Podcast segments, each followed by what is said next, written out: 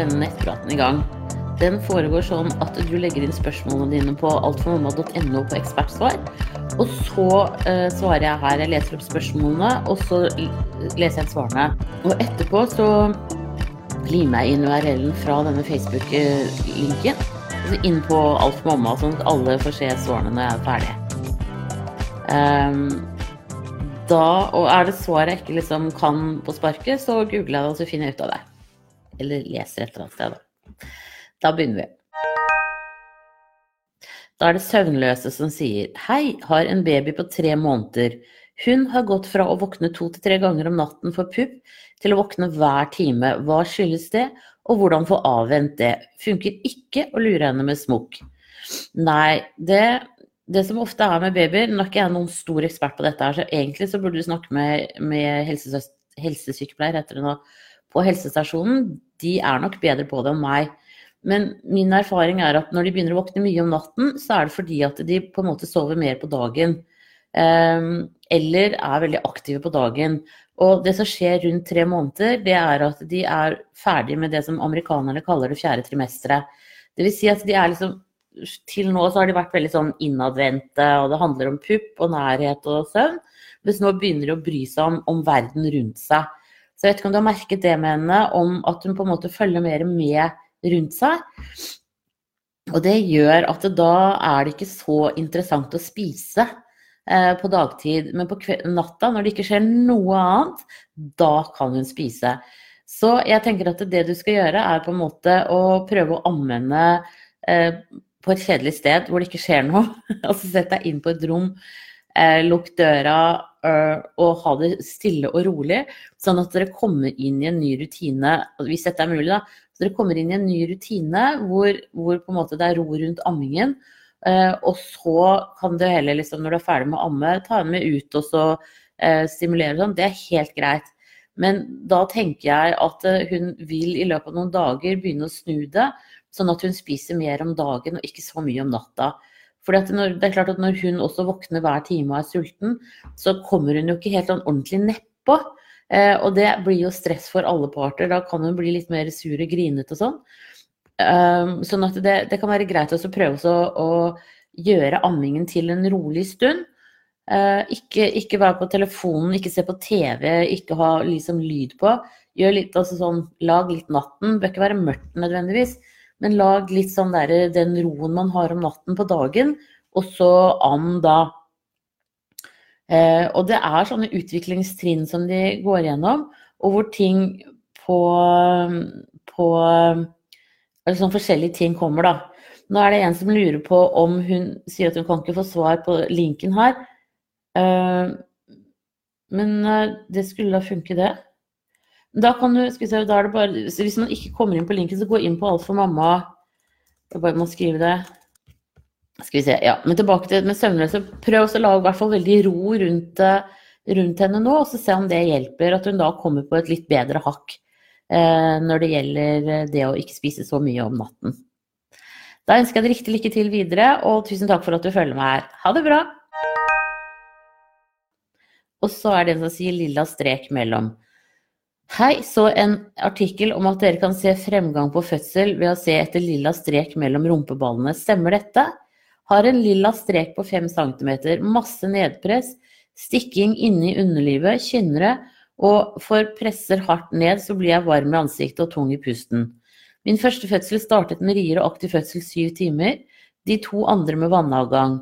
Fødsel nummer to tok det to minutter fra ca. 5 cm til gutten lå ute, så ingen jordmor til stede. Kom en barnepleier rett etter, og nummer tre tok det fire minutter fra full åpning til hun var ute med hjelp til en kant som måtte ned en og en halv time fra vannet gikk. Så spent på denne fødselen og skeptisk om det med lilla strek stemmer. Ja, eh, jeg har også hørt det, og jeg har ikke vært på føden på mange år, så jeg kan ikke nok om det. Men jeg tenker at du kan i hvert fall ringe til eh, føden og snakke med dem. Eh, det tenker jeg du kan gjøre ganske raskt, rett og slett. Nå med en gang. Eh, fordi at hvis du har født såpass raskt som det du har, og du sier at du på en måte får eh, eh, Du blir varm i ansiktet og tung i pusten, så begynner du å ha ganske gode rier, altså. Så jeg tenker at at ring til føden nå når du, når du ser det. Skal vi se Jeg tror jeg bare skal skrive inn det her til deg, for uh, så kan jeg heller liksom svare resten ordentlig. Altså, jeg limer inn URL-en og sånn etterpå, men nå tenker jeg det var grunn greit å få deg til å snakke med noen. Så de jordmødrene som er på føden nå, de, eh, de, har nok mye mer det der inne. Men jeg har også hørt at du kan liksom lese at den stiger oppover. Eh, jeg vet ikke helt sammenhengen, men det tror, må, det tror jeg må, lese meg litt opp på, for det er jo ganske sånn interessant, da. Så hvis ikke du allerede har født, så ring til føden nå når du hører svaret mitt her. Da må du ha en riktig strålende dag videre, og lykke til med fødselen. Ha det bra! Og så uh, er det CH som sier Stemmer det at man med barn nummer to fester hodet seg senere enn barn nummer én? Ja, det stemmer. For det er sånn at når du har født eller vært gravid én gang allerede, så vil bekkenet ditt være litt videre enn første gangen. Så Derfor så er det ofte at hodet ikke fester seg før man er i selve fødselen. Eh, både med nummer to og tre og fire og fem og alt ettersom hvor mange barn man får. Så det er i grunnen bare første gangen at hodet fester seg skikkelig. Hos veldig mange, da. Det er klart at Har man et litt trangere bekken eller et litt stort barn, så kan, det, så kan det definitivt også feste seg før fødselen denne gangen. Men eh, litt mindre sjanse for at det gjør det når du er flergangsfødende. Da ønsker jeg deg riktig lykke til videre, og tusen takk for at du følger med her. Ha det bra! Og så er det tredjegangsmor som sier jeg er 37 pluss 4 i dag og har de siste par ukene hatt sterke regelmessige kynnere, maserier flere kvelder. De har blitt mer smertefulle, men gir seg alltid etter en del timer. Kan dette være et tegn på at fødsel er nærstående? Har hørt at dette ofte kan skje ved tredjegangsgraviditeter, at kroppen kan lure en litt før en går skikkelig i fødsel. Hva er din erfaring med dette? Babyen er også estimert til 3500 gram. Har det noe å si på om fødselen vil komme før eller etter termin? Siste spørsmål. Ville du anbefalt brystvortestimulering for å se om det kan starte fødsel? Takk for at du er der for alle vi som lurer så mye. Jo, hyggelig at dere bruker meg, altså. Det må jeg si. Eh, det, som, det, som, er Jeg er litt enig med deg i det der med sånn, litt sånn lurefødsel. For at eh, tredje gangen så kan det kan jo være at man er litt sånn ambivalent til fødselen. Eh, første fødselen var som regel litt lengre enn andre fødselen. Eh, og for noen så var det sånn at andre fødselen gikk så fort at man på en måte ikke helt hang med Eh, og da kan man bli litt sånn ambivalent til fødsel nummer tre. Så jeg tenker at det, eh, noe av det beste du gjør, det er på en måte å avklare med deg selv. Snakk med deg selv opp i hodet eller høyt. Og om hva du tenker om denne fødselen. Er det noe du gruer deg til? Eh, og så prøv på en måte å snakke deg litt igjennom det. Og hold fokus på det fantastiske nurket som skal komme. Eh, for det er, eh, er jo premien, kan du si, etter en litt lang graviditet og en fødsel. Sånn at eh, du er til termin nå, du kan føde når som helst. Og jeg tenker at liksom, hvil deg godt hvis du har mulighet for det. Og, og snakk litt med deg selv om fødselen. Hva det er du tenker på en måte Er det noe du gruer deg for, eller sånn? Fordi at eh, jeg tenker det ligger ofte et eller annet sånt å, å lure litt i bakhodet, uten at jeg skal si det sikkert. Det er ikke sikkert det gjelder deg i det hele tatt. Eh, men at eh, på en måte det å, å mentalt forberede deg, eh, det er nok veldig lurt. Du sier at babyen også er estimert til 3500 gram, og det er helt på snittet. Så, så, det er ikke noe stort barn du har, eller noen ting sånn. Du kan godt starte med sånn brystvortestimulering og se, men jeg syns først at du kanskje skal ta den praten med deg selv, og så se hva det gir. Hvis ikke du starter noe mer i fødsel i løpet av et døgn på det, så kan du godt prøve litt sånn brystvortestimulering morgen og kveld.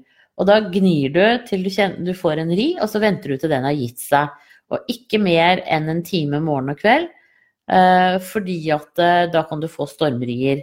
Og for meg så høres det ut som du er liksom akkurat du er i ferd med å bikke over i fødsel. Sånn at eh, det er ikke sikkert det skal så veldig mye til heller. Men da ønsker jeg deg riktig lykke til videre, og tusen takk for at du følger med her. Ha det bra! Og så er det CH som har et oppfølgingsspørsmål. Er i uke 34. Jenta i magen er veldig aktiv. Lurer på om hun kan være like aktiv når hodet er festa. Lurer på om jeg på noen måte kan merke om hodet er festa.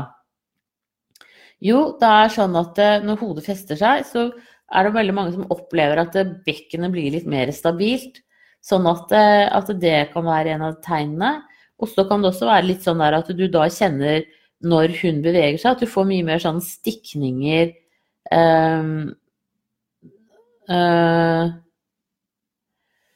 uh, At noen får sånn stikninger nedover i beina. Så, så um, Det er ikke alltid lett å si om hodet er festet, altså.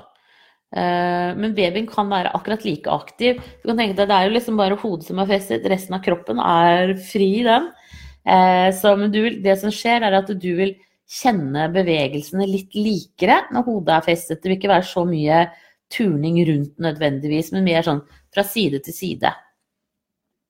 Så snakk med jordmor neste gang når du er på en kontroll, og, og få jordmor til å sjekke det. Det er fryktelig vanskelig å sjekke på seg selv. Eh, rett og slett. Det er ikke lett i det hele tatt. Da ønsker jeg deg riktig lykke til videre, og tusen takk for at du, du følger meg her. Ha det bra! Og så Ja, der fikk hun til å legge inn. Det var bra. Um, ja, da er neste spørsmål. Gravid med nummer to. Hei, Siri. Jeg er gravid med mitt andre barn og er i uke 21 pluss 4. Fredag 13.9 har jeg fått time hos fastlegen min for glukosebelastningstest, og jeg vil da være 22 pluss 5. Er ikke dette for tidlig for å ta glukosebelastningstesten? Ifølge det jeg leser av retningslinjer skal denne tas noe senere i svangerskapet. Hva mener du, bør jeg ringe legekontoret og få en senere time, eller kan testen tas om en ukes tid og resultatet være like sikkert som om den tas senere? Takk for en flott side og riktig god helg. Eh, jeg er også enig med deg at jeg trodde den ble tatt litt senere. Men jeg har ikke helt de tallene i hodet, så jeg må bare inn på Helsedirektoratet sine sider og se hva de sier der. For det er på en måte det som er eh, den gylne regelen. Så jeg skal gjøre det, og så legger jeg inn, um, inn svaret mitt til deg skriftlig etterpå. Men noe, jeg er helt enig med deg at hvis dette er altfor tidlig, så er det jo ikke noe vits å gjøre det. Um, man kan selvfølgelig gjøre det hvis det er andre indikasjoner. Hvis du er veldig mye tørst, eller du går mye på do, uh, kan være litt sånn svimmel innimellom og sånn. Uh, da kan jo det være tegn på at du har en sånn uh, svangerskapsdiabetes i emning. Eh, sånn, sånn, hvis du har hatt noe av det, så kan det hende at legen har rekvirert den prøven før. Men sånn, som rutine så trodde jeg også det var bitte litt senere. Så jeg skal sjekke opp det. Da ønsker jeg deg riktig lykke til videre, og tusen takk for at du følger med her. Ha det bra! Og så er det modningstegn som sier hei, jeg er gravid i uke 37 pluss 2 og har den siste uka hatt en slimete utflod av og på. Jeg er superklar til å få ut denne babyen etter et langt og tungt svangerskap, eh, og lurer derfor på om dette kan være et modningstegn. En annen ting jeg lurer på, ofte når jeg har vært på toalettet og tissa, særlig på natt, får jeg helt enorme smerter nede i magen og på siden av magen, såpass at jeg sliter med å gå. Må ligge til krampene gir seg. Er dette en graviditetsplage, eller noe jeg bør snakke med lege om? Ja, det, den litt sånn slimete utfloden, hvis den er, har litt sånn svarte striper i seg som er gammelt blod, eh, så kan det være slimproppen. Eller så er det bare litt sånn tilfeldig. Noen får mer slim i perioder i graviditeten. Og det er klart at nå nærmer du deg fødsel, og da blir det også litt mer sånn Kan bli litt mer slim fordi det er litt økt aktivitet. Um, så at det er et modningstegn, det er jeg helt enig med deg i. Uh, så det er sånn Check. og så er det en annen ting du lurer på, og det er ja, når du er på toalettet om natten, eller sånn, hvis du liksom reiser deg opp og har sittet lenge og sånn, så vil du sikkert kjenne noe av den der eh, krampen som du får på den ene siden. Eh, det som skjer når du tømmer blæra om natten, det er at det blir litt eh, aktivitet, og det kan også smitte over på, på livmoren. Det blir litt bedre plass også. Så det er nok årsaken til at dette skjer. Du kan prøve å ta maksdoser med magnesium en periode nå, og så se om det kan hjelpe på. Eller så er det jo også veldig nærme fødsel, sånn at livmoren din er veldig triggervennlig. Eh, og det gjør at det, sånn som f.eks. når da blæra tømmes og det blir bedre plass, så tenker den at oi, nå må jeg jobbe litt. Um, så det kan være det. Eh, rett og slett. Og det, det, kan være ordentlig, ordentlig vondt, altså. Eh, men så gir det seg jo, og sånn at dette går jo da inn i kategorien smerter som gir seg. Og så lenge smertene gir seg, så er det faktisk normalt. Men det kan som sagt være veldig vondt. Det kan også hende at du nå har litt uh, diaré og løs mage fordi at aktiviteten i underlivet ditt har økt rent generelt. Eh, det også er jo tegn på at du er i ferd med å gjøre deg klar til fødsel. Så det er gode tegn, selv om de er litt vonde. Da ønsker jeg deg riktig lykke til videre, og tusen takk for at du følger meg her. Ha det riktig bra! Og så er det snart trebarnsmor som sier Hei, Siri. Jeg er nesten 30 uker gravid med mitt tredje barn, og bekymrer meg fryktelig. Så mye at jeg knapt klarer å se frem til å få et barn til. Tankene jeg har denne gangen, har jeg aldri hatt tidligere, og jeg antar at det henger sammen med at jeg forut for denne graviditeten hadde to spontanaborter og ikke trodde det skulle gå denne gangen heller. Men så sitter jeg altså nå og har snart bare to måneder til termin. Uansett, mange av bekymringene vet jeg er helt grunnløse. Men en av dem knytter seg til at jeg har fått påvist GBS i urinen. Jeg tenker så mye på det og bekymrer meg for alt fra prematur fødsel til at dette skal begrense alternativene mine i fødsel, f.eks. bruk av badekar. Og ikke minst så bekymrer jeg meg mye for at babyen skal bli smittet og bli alvorlig syk. Kunne du gitt meg noen statistikker og retningslinjer i forhold til dette med GBS? Er det bortkastet energi å bekymre seg så mye, eller er det en reell fare for at dette kommer til å påvirke meg, oss, på en eller annen måte? Og hvordan er det i forhold til keisersnitt? Unngår man da smittefare for barnet? Har du ellers noen tips til hvordan man kan håndtere slike bekymringer i svangerskapet, og hvordan man kan forhindre at bekymringene tar helt overhånd? På forhånd takk for at du har denne fantastiske siden. Ja, tusen takk for at du liker siden, det er veldig hyggelig å høre. Eh, det er sånn at det med GBS er på en måte litt Hva skal du si? Det er litt sånn skapt av eh, det moderne helsevesenet. Det viser seg at det er ikke så farlig. Eh, og på veldig mange sykehus nå så har de faktisk sluttet å gi profylaktisk behandling eh, ved fødsel når man kommer inn med GBS, fordi at det ikke er så farlig. Så det er for å på en måte ta sagt det, så er det for å fortelle deg at det er ikke så farlig som det man trodde. Det var en lege som på et tidspunkt gjorde et sånn forskning på det på Aker sykehus mens det var fødeavdeling der. Og hvor man da skulle skylle alle som skulle føde med desinfiserende midler. For det første så hjalp det ikke noe særlig på GBS-en. Og for det andre så viste det seg jo da etter hvert også at GBS ikke var så farlig. Eh, men, men, det ble liksom skapt en veldig sånn opphaussing rundt det. Eh, så, sånn sett så er det jo man, man, skal liksom tenke seg litt om før man setter i gang ting. Det var et velment prosjekt, men det har sittet veldig lenge igjen. Dette her er jo nærmere 30 år siden at eh, det, den forskningen pågikk. Når det er sagt, så er det også sånn at du sier at du er i uke 30. Og så er du gravid med ditt tredje barn, sånn at du kommer til å kjenne kynnerne godt. Eh, og gjør vel det allerede.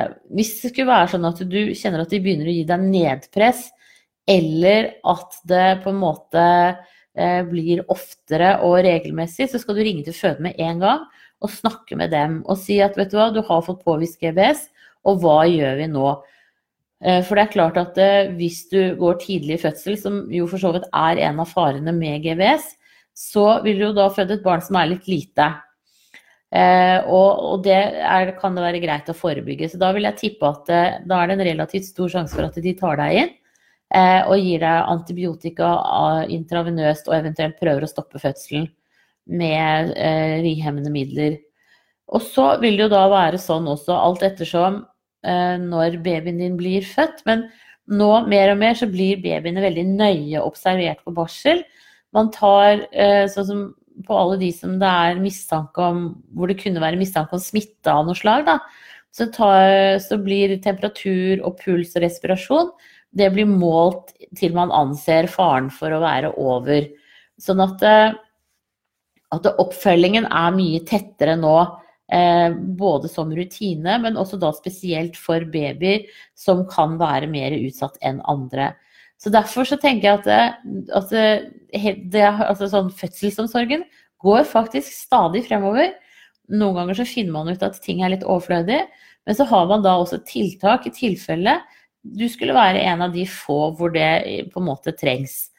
Men jeg tenker at eh, eh, det som, som jeg syns ofte rir tredjegangsfødende, det er at nå har man to friske barn, og man kan da umulig få ett til.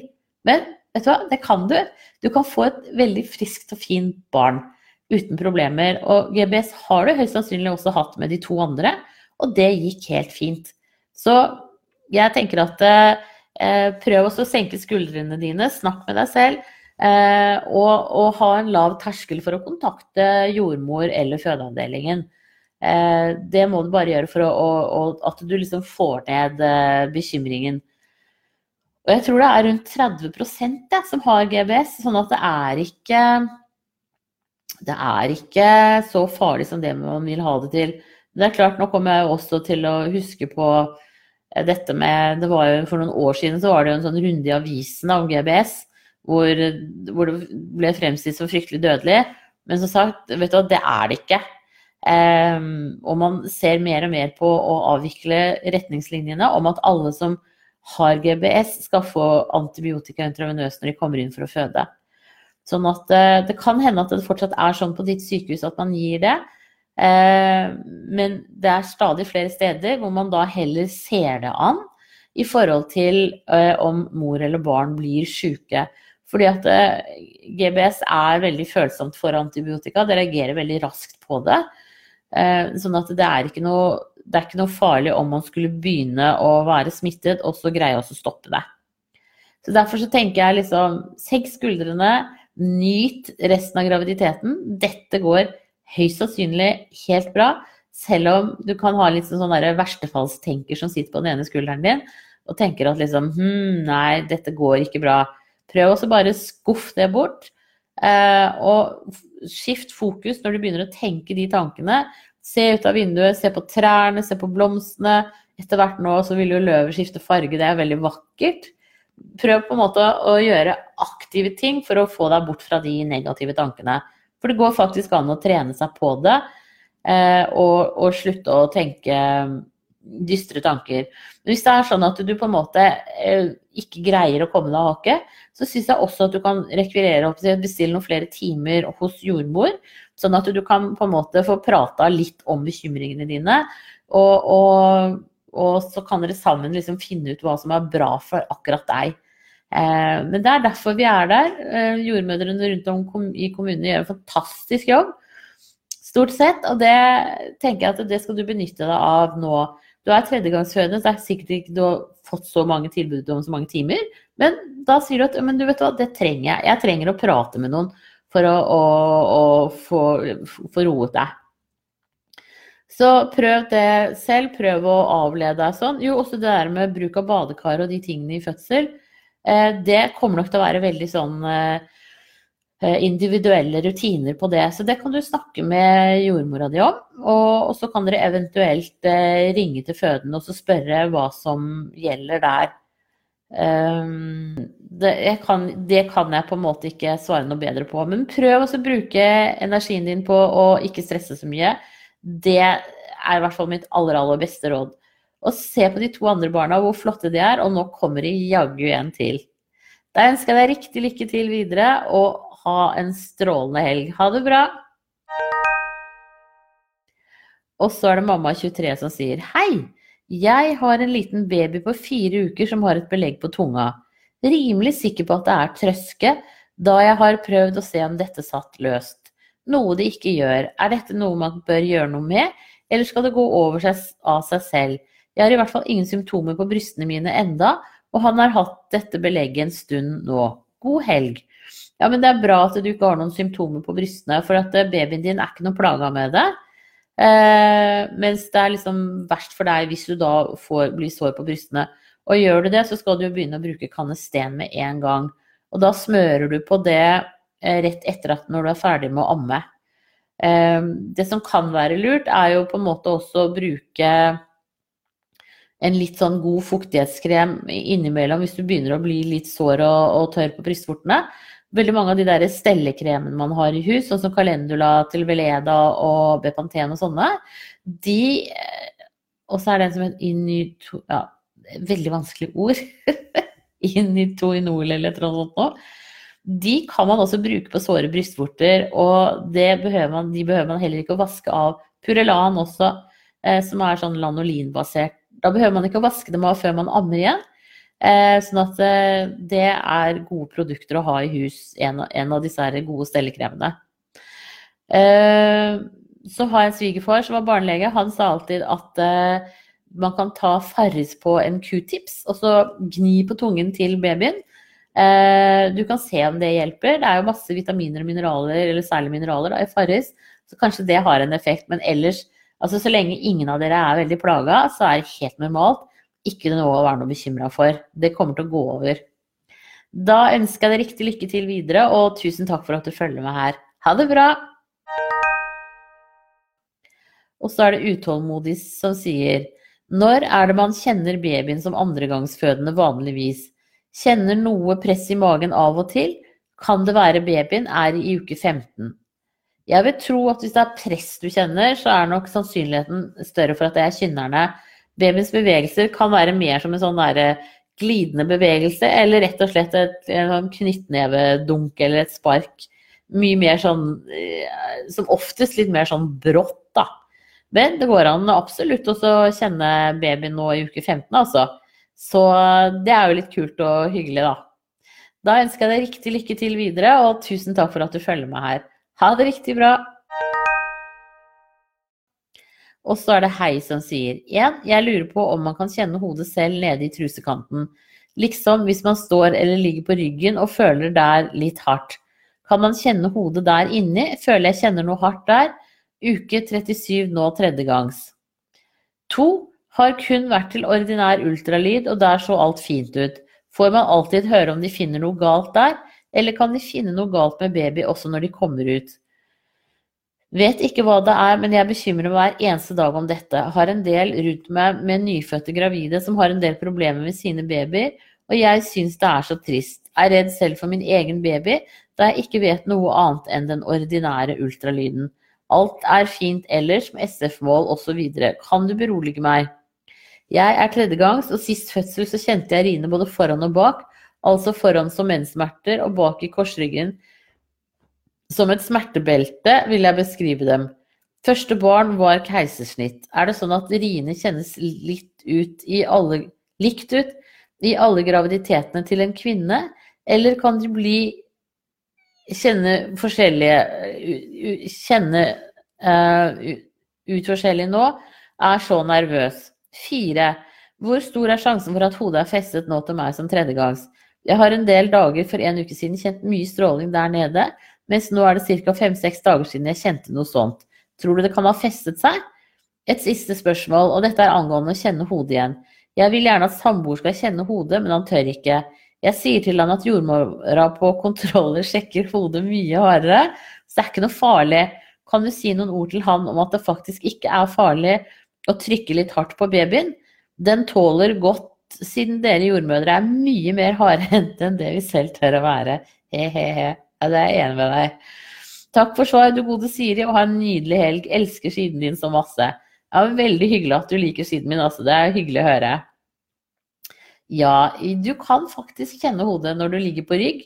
Eller hvis du sitter og lener deg bakover på skross, liksom, sånn ordentlig godt bakover i stolen. Da kan du også kjenne hodet. Så det, det tenker jeg er helt riktig.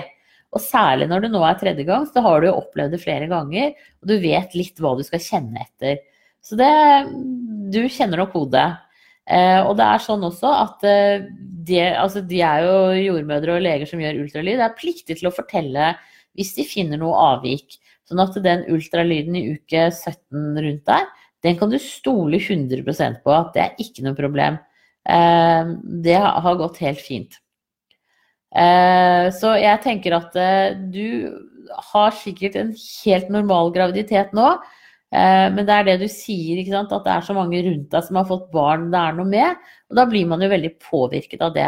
Men det er ingen grunn til at det skal være noe med din baby for det om. Eh, og det at du kjente smertene både foran og bak, det er ganske normalt, altså. Eh, sånn at eh, det, det, det, Men det er ikke sånn at riene kjennes likt ut fra graviditet til graviditet, og hos samme kvinne heller. Så, så, her er det store individuelle forskjeller fra gang til gang. Eh, det er Det kommer litt an på babyens størrelse og din størrelse om hodet fester seg eller ikke denne gangen. Men har du født før, så har bekkenet vært utvidet, og det vil alltid være litt videre enn uh, før du ble gravid. Uh, også, men når du da sier dette her om at uh, på spørsmål nummer fire at om det er sjanse for at hodet er festet til deg nå som tredjegangsfødende, så tenker jeg at det er veldig riktig det du sier i forhold til at du kjente noen plager for en ukes tid siden, men nå er det rolig. Da kan det jo høres ut som at babyens hode har festa seg, altså. Eh, men det må du snakke med jordmora di om. Eh, og jeg er helt enig med deg, vi jordmødre er jo mye mer hardhendte enn det dere greier å være på dere selv. Så han mannen din kan godt kjenne Det han kan gjøre, er på en måte han kan kjenne på hver side av hodet, dytte litt sånn forsiktig. Eh, antageligvis vil det kanskje bevege seg bitte litt, men står det helt fast, så, så er det festet. Vi tar jo et sånt grep eh, rundt babyens nakke på en måte, og rugger. Men hvis han syns det er, det er veldig sånn eh, litt for heftig, da, så kan han dytte litt sånn forsiktig på hver side. Det kan han jo gjøre lenger oppe på maven også, og så dytte babyen fra side til side. Eh, og det er ikke skadelig for verken deg eller babyen. Så det kan han trygt gjøre. Bør ikke være noe redd for det. Det gjør vondt for deg i huden og musklene dine før det er farlig for babyen. Da ønsker jeg deg riktig, riktig lykke til videre, og så eh, blir det jo spennende å se når du føder, da. Ha det bra! Og så er det Molt som sier tips til grusomme smerter i lysken. Bare fått beskjed om å ta det med ro og ta Paracet ved behov. Ikke mulig å sove eller gå, for stråler jo nedover begge beina hele tiden. Ja, det er jo ikke bra. Altså sånn Det er jo forferdelig plagsomt. Så det jeg tenker du burde gjøre, er å finne en eh, manuellterapeut eller en fysioterapeut som har kommunal avtale, og gå dit og få behandling. Du trenger ikke lenger rekvisisjon fra lege for å få det. Så det kan du bare prøve å gjøre i dag. Og så kan det også hende at kiropraktor har effekt på deg. Eh, fordi at når du har grusomme smerter hele tiden, da er det noe som er skeivt antageligvis i bekkenet ditt eller i ryggraden din. Og det vil en som kan eh, knekke litt på deg, eh, som oftest rette opp. Osteopater er også perfekte til dette. Men de heller har jo ikke noe særlig avtale. Så fysioterapeut, manuellterapeut, de har avtale. Da betaler du bare en egenandel opp til et visst tak. De andre har ikke egen avtale, så da må du betale hele summen. Eh, men akkurat nå når du har så vondt, så tenker jeg at det er en investering å finne noen som kan hjelpe deg i dag, eh, sånn at du får en litt bedre helg. Så prøv det, eh, eller altså gjør begge deler.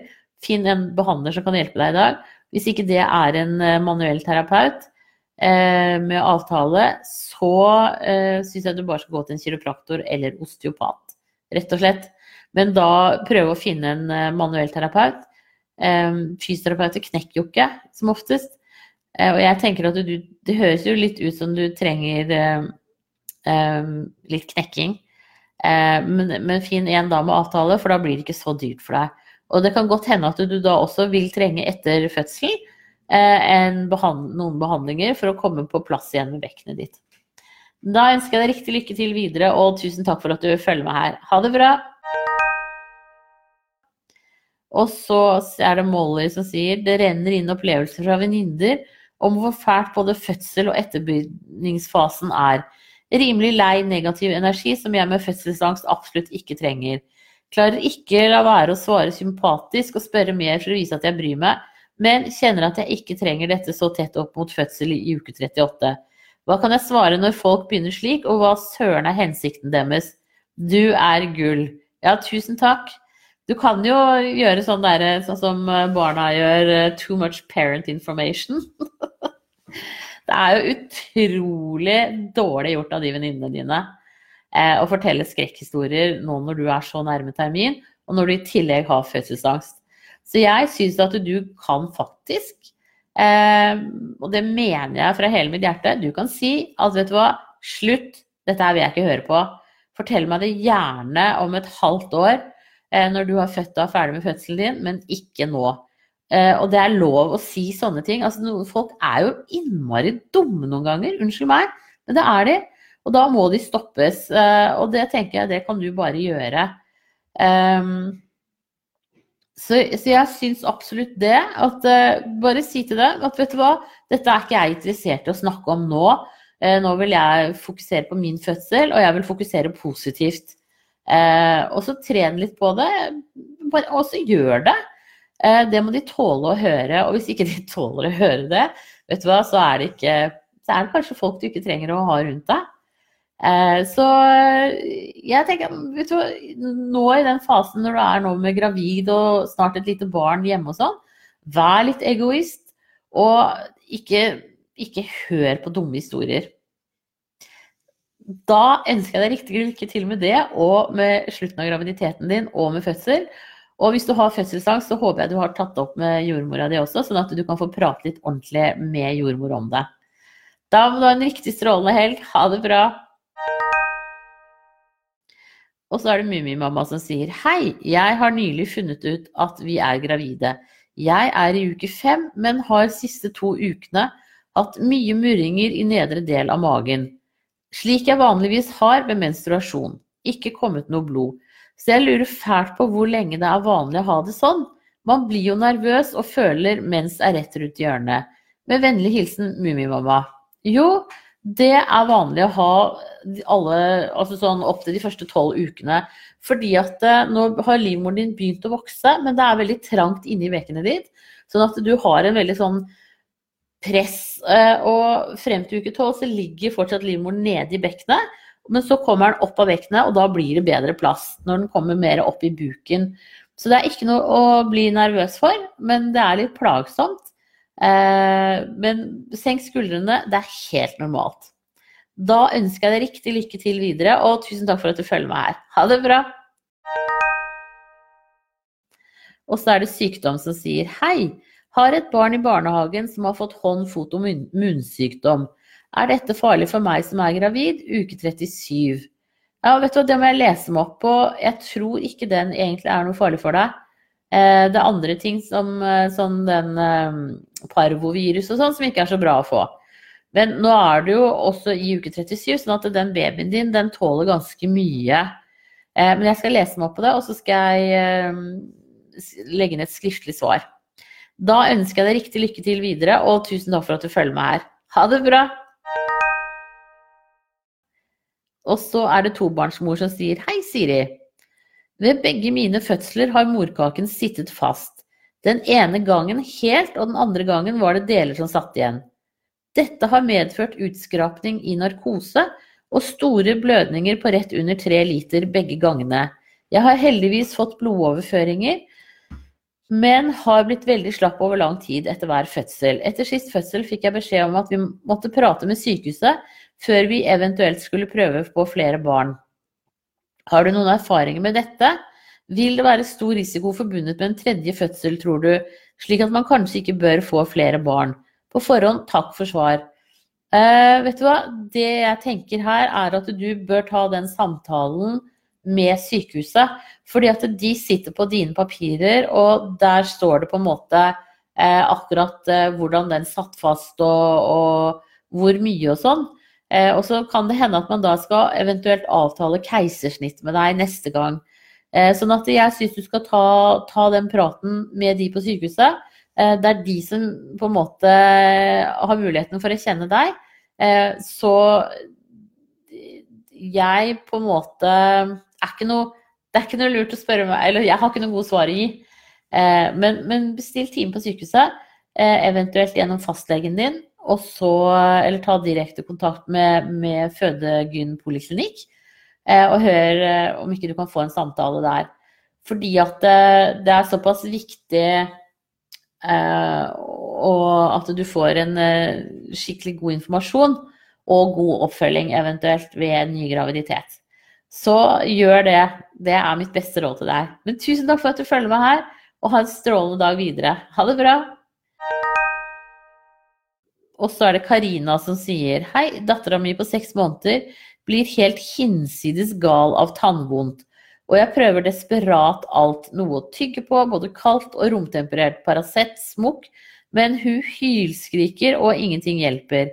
Jeg er en ganske sliten mamma fra før av, så jeg klarer snart ikke mer. Er det noe mer jeg kan gjøre? Får vondt av hun. Uh, har også prøvd Dentinox. Ja uh, Det er ikke så lett det der, altså. Uh, det er liksom noen dager uh, hvor, hvor, det på en måte er ille. så tenker jeg liksom Kan det Er det noe forkjøla? Kan det være noe øreverk? Kan det være andre ting? I hvert fall hvis det står på Hvis det står på veldig lenge. Uh, jeg må jo innrømme et sånn derre um, råd vi fikk, da, men det kan man jo ikke gjøre så mye. Det var å ta litt sånn konjakk på fingeren og så gni oppå gommene. Uh, det hjalp for så vidt veldig bra, det, da. Men det kan man jo bare gjøre et par ganger. Ehm, men det kunne du jo prøvd i kveld eh, før babyen skal sove, hvis du har noe konjakk eller noe sånt i huset. Ehm, så går det an å prøve det, men det er ikke noe sånn knallgodt råd, altså. Ehm, når du sier Paracet, har du prøvd å gni sånn flytende Paracet på? For det kan jo virke smertestillende i seg selv. og, så, og så eventuelt gi en Paracet stikkpille, sånn at uh, at, eh, at de får sove om natten. Eh, men en, en ukes tid med sånn plagsomt tannfrembrudd er nok innafor normalen, altså. Har du noen som kan passe henne for deg, og så du kan få litt fri innimellom? Eh, eventuelt at kjæresten din går en trilletur, sånn at du, at du på en måte får noen pauser. For det er klart at det er veldig slitsomt. Det er veldig slitsomt når babyene er syke. Men, men, sånn er det bare. Det er ikke Man gjør sitt aller beste. Så du må på en måte hva skal jeg si, gi deg selv creds for, eh, for det at du, du, gjør ditt aller beste. Eh, men det er litt plagsomt, og noen ganger så må man bare rett og slett eh, se på det. Det er ikke, det er ikke så lett. Men jeg skjønner veldig godt at du blir desperat. Det er jo ikke noen enkel situasjon, dette her, altså. Da ønsker jeg deg riktig lykke til videre. Jeg håper snart de der tenna kommer opp, så blir, eh, hun blir ferdig med det for denne gang. Ha det bra! Og så er det Sissi som sier Hei, Siri. Anbefaler du modningsakupunktur? Har fått estimert stort barn og vil gjerne prøve å føde normalt før tiden. Ja, modningsakupunktur kan absolutt ha noe for seg. Det du også kan gjøre, er å drikke bringebærbladte eller om det er tre kopper om dagen eller noe sånt noe, for det også virker på livmoren sånn at den jobber eh, mer effektivt. I tillegg til at den også skal styrke underhuden. Så, så prøv det. Men eh, modningsakupunktur, definitivt verdt et forsøk, altså. Da ønsker jeg deg riktig lykke til videre, og tusen takk for at du følger med her. Ha det bra. Og så er det Sara som sier Jeg er 4 pluss 2 i dag. Fikk en positiv graviditetstest for tre dager siden har vært gjennom fryseforsøk der de satte inn blastocyst i naturlig syklus. Jippi! Men er veldig bekymret siden vi har prøvd så mange, i så mange år for å lykkes. Ca. 10-11 dager etter ovulasjon hadde jeg økende menssmerter, og enda har jeg typ murringer og en slags sprengfølelse i underliv inni oppi på en måte. Er dette normalt? Hvorfor kjennes det slikt ut i underlivet? Puppene mine er litt ømme, men er ikke så supertrøtt eller sliten. Er det også normalt? Syns jeg leser overalt at alle er så trøtt tidlig. Takk. Ja, alt det du beskriver her er helt normalt, for å si det sånn kort. Eh, grunnen til at du har på en måte en sånn sprengfølelse i underlivet, det er at eh, da du ble gravid, så var livmoren din så stor og veide en 60-70 gram. Eh, og så begynner den oppbyggingen, og den er 90% muskel, og det begynner umiddelbart når du blir gravid. Og så er det trangt inni bekkenet, sånn at det, det gir en veldig sånn sprengfølelse.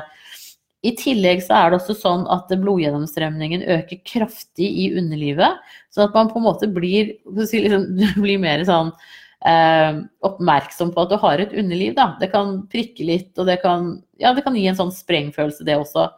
Så tenker at dette her er helt normalt. Og så kan du også få litt vondt på den ene eller den andre siden.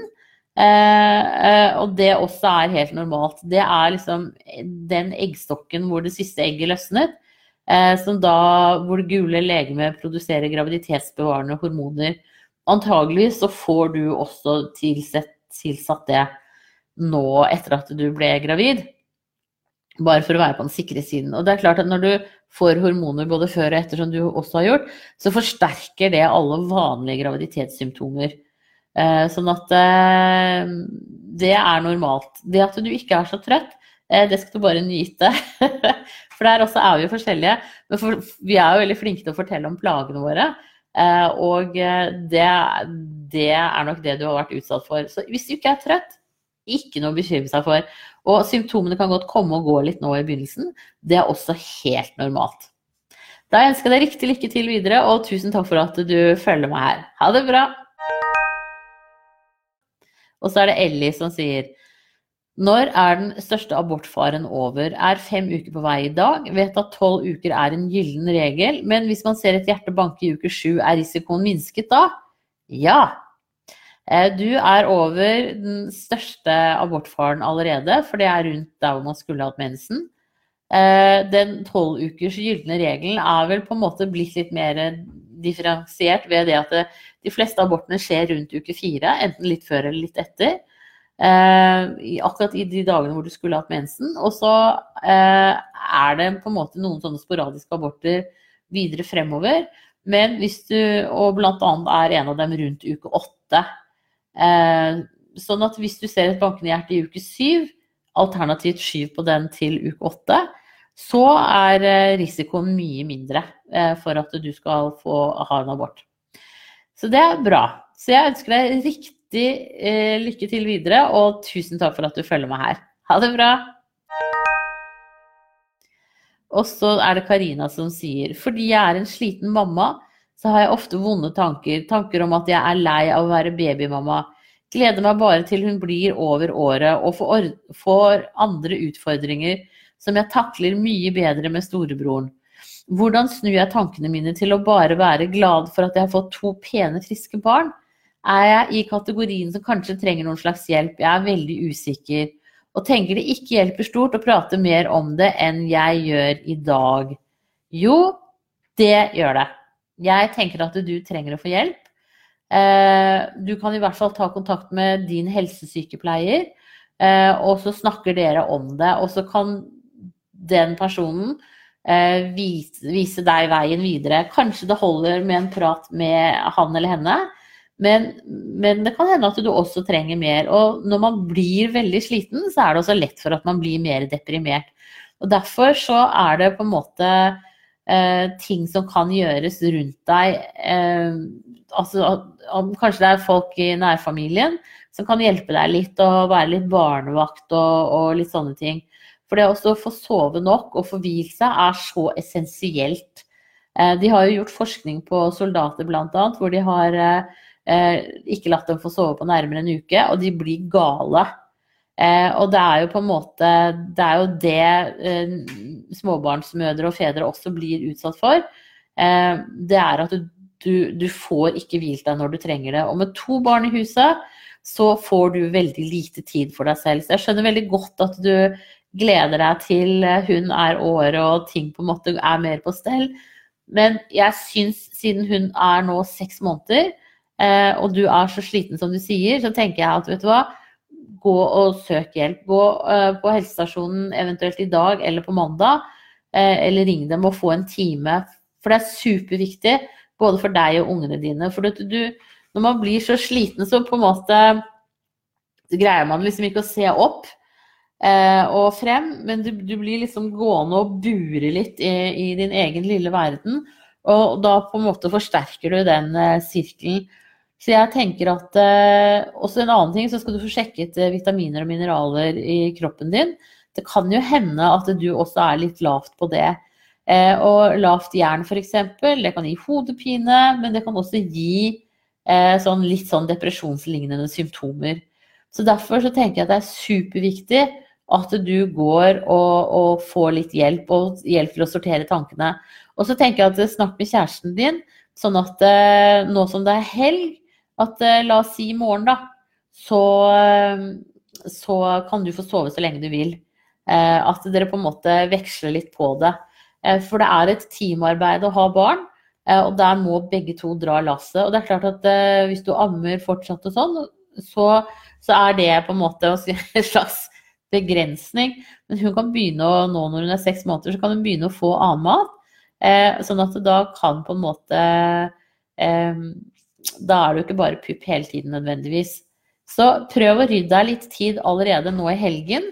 Eh, og, og, bare liksom dra puta over hodet, sette inn ørepropper. Eh, hva som helst, bare sånn at du får sovet lengre. Og så må du stole på at kjæresten din eller andre tar like godt vare på barna som det du også gjør. Legg fra deg, liksom.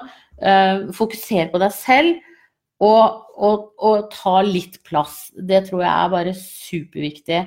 Eh, og du kan ikke gå et halvt år til og bare vente på at ting skal bli bedre. Det er litt lenge, faktisk. Så hvis du kan Altså, jeg tenker at benytte av de mulighetene du har nå, og få litt god hjelp. Eh, og snakk for all del med helsesykepleier om det. Eh, det er også en innertier. Eh, og det er for å forebygge, det er for at du ikke skal bli gal, rett og slett. Altså sånn å få det enda dårligere. Så ta deg selv på alvor sånn som du gjør, og få, få litt hjelp, altså. Det er superviktig. Du ser jo det med ungene dine også, sikkert kjæresten din. altså Hvis de får for lite søvn, så man blir jo helt tussete. Jeg også gjør det, selv om ikke jeg har små barn lenger. Man må liksom Innimellom så må man faktisk bare rydde litt plass til seg selv. Eh, og ungene er gull, men de må ha en mor som duger også, og det er din oppgave. Så eh, sett deg selv litt eh, fremst nå i helgen når du sikkert har en makker som kan hjelpe deg. Og så får dere heller passe på å sove litt på skift og, og sånn. Og bare rett og slett liksom Kanskje ikke være så veldig sosiale i helgen, men, men bruke tida på dere selv. Det tror jeg kan være en veldig god investering. Så jeg heier på deg. Eh, eh, og nå, akkurat nå i helgen så er du nummer én. Da ønsker jeg deg riktig lykke til videre, og tusen takk for at du følger med her. Og så håper jeg at det ordner seg for deg, at du snart får får henta deg inn litt. Ha det bra! Da var det dagens siste spørsmål. Så da, eh, hvis det kommer inn noen flere sånn i siste liten her, så svarer jeg på de skriftlige. Så må dere ha en riktig, riktig strålende helg alle sammen. Og så er jeg tilbake igjen på mandag. Ha det bra!